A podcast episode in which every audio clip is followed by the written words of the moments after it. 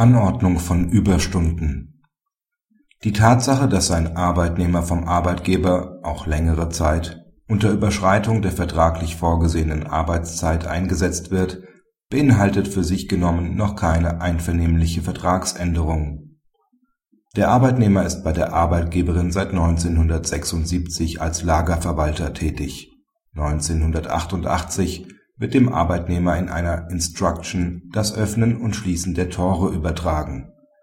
Dadurch entstehende zusätzliche Arbeitszeiten sollen als Überstunden abgerechnet werden. Der Arbeitnehmer verrichtet diese Tätigkeit 18 Jahre lang, wofür die Arbeitgeberin ihm 30 Minuten täglich als Überstunden vergütet. 2006 entzieht sie ihm den Schließdienst und stellt die Zahlung der Überstundenvergütung ein der Arbeitnehmer ist der Auffassung, dass der einseitige Entzug der Zusatzaufgabe unwirksam sei.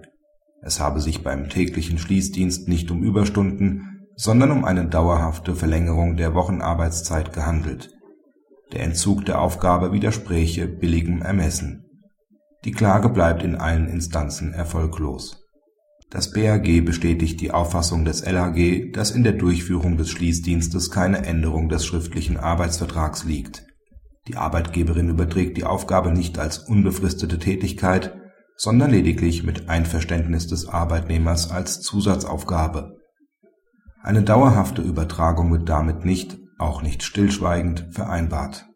Für die Annahme einer dauerhaften Vertragsänderung mit einer erhöhten regelmäßigen Arbeitszeit ist die Feststellung entsprechender Erklärungen der Parteien aber notwendige Voraussetzung bei einem Arbeitseinsatz handelt es sich um ein tatsächliches Verhalten, dem nicht notwendig ein rechtsgeschäftlicher Erklärungswert zugesprochen werden kann.